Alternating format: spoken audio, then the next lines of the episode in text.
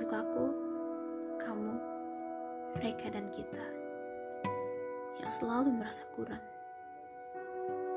Ya, untuk aku, kamu, mereka, dan kita yang selalu merendahkan diri dan merasa tidak bisa.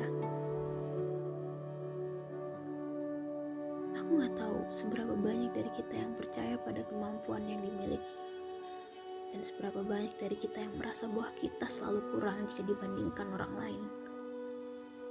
Tapi mungkin aku tahu gimana rasanya membandingkan diri sendiri dengan orang lain setiap saat. Ya, seperti setiap hal yang ada di dunia ini tidak layak untuk sentuh. Aku yang selalu menatap mereka melakukan sesuatu layaknya keajaiban. Mana berani aku mencobanya.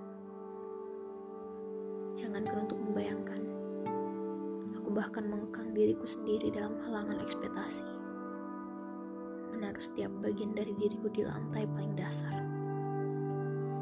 Banyak yang memberiku semangat. Banyak juga yang mencoba untuk meletakkanku di kursi kepercayaan mereka. Jujur, sempat aku tergiur akannya. Namun saat aku ingin mencoba, aku kembali goyah. Aku kembali membandingkan diriku sendiri. Layakkah aku? Aku bahkan menjauhkan kata percaya untuk diriku dan mengekang diriku sendiri dalam kata tidak bisa. Berulang kali aku mencoba. Berulang kali aku menaruh ekspektasi atas diriku sendiri. Dan berulang kali pula aku merasa tidak layak. Ketika semua rekayasa selesai berulang, aku merasa bahwa aku bisa. Aku bisa melakukannya asal mau mencoba.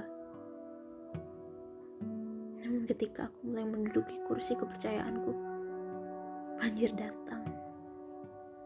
Komentar-komentar datang menghujaniku. Mereka membandingkan aku dengan orang-orang yang kupandang dulu. Menyesali dengan berkata andai bukan aku yang melakukannya. Sakit? Tentunya. Tak sedikit air mata yang kuhabiskan. Iya, selalu seperti ini. Rekayasaku belum berhenti. Terus berulang sampai bosan itu muncul. Lama aku mencari jawaban atas apa yang Tuhan mau. Butuh waktu yang lama sekali untuk sadar.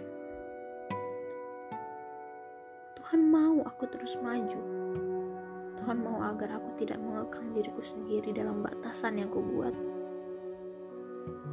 Aku memang lemah. Tapi Tuhan kuat. Tuhan sangat sanggup untuk mengubahku secara instan. Tapi tidak ia lakukan. Tuhan mau aku merasakan titik di mana aku sadar sepenuhnya dan benar-benar menyerahkan diriku kepadanya.